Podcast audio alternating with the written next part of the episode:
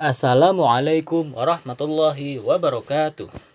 Perkenalkan, nama saya Muhammad Siddiq Batur Rahman, seorang mahasiswa dari Universitas Pendidikan Indonesia, Fakultas Pendidikan Ekonomi dan Bisnis, Program Studi Ilmu Ekonomi Keuangan Islam dengan nomor induk mahasiswa 2007886. Pada kali ini saya akan membahas mengenai pembangunan ekonomi di Indonesia. Terdapat pengalaman pembangunan ekonomi di Indonesia yang dijalankan berdasarkan mekanisme pasar yang tidak berjalan dengan adil, sering menimbulkan permasalahan-permasalahan sosial di masyarakat. Di antaranya kesenjangan antara orang kaya dan yang semakin kaya dan orang miskin yang semakin miskin. Kesenjangan tersebut merupakan akibat dari tidak terciptanya distribusi yang adil di masyarakat sebagai contoh, dalam pembangunan ekonomi pada masa Orde Baru, banyak menimbulkan ketidakadilan dalam ekonomi. Sementara itu, kebijakan pemerintah juga cenderung berpihak kepada elit ekonomi, sehingga pada akhirnya menjadikan alokasi distribusi ekonomi banyak terserap kepada kelompok tertentu. Meskipun pada awalnya diharapkan dapat menetes pada ekonomi rakyat miskin, sebagaimana yang diperkirakan oleh konsep trickle down effect.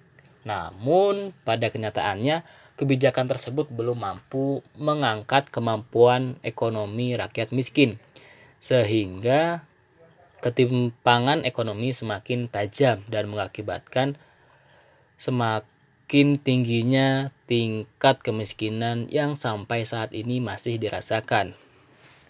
Pada masa era reformasi, pemerintah telah banyak mendapatkan kesempatan untuk memperbaiki pelaksanaan pembangunan yang selama ini dilakukan oleh Orde Baru, akan tetapi masih belum membuahkan hasil yang optimal karena masih belum memihak kepada masyarakat banyak. Meningkatnya jumlah kemiskinan yang saat ini terjadi menuntut semua pihak merumuskan kembali strategi pembangunan yang sesuai untuk diterapkan di negara ini sehingga tidak terdapat lagi masyarakat yang tergeser, terjepit, dan terpinggirkan. Berdasarkan data BPS, Badan Pusat Statistika, presentase jumlah penduduk miskin pada tahun 2014 di Indonesia mencapai 11,25 persen atau 28,28 juta jiwa Sedangkan jumlah penduduk miskin pada tahun 2015 mencapai 30,25 juta orang atau sekitar 12,25 persen dari jumlah penduduk Indonesia. Sehingga pada pada tahun 2015 terjadi peningkatan penduduk miskin sebanyak 1,9 juta jiwa.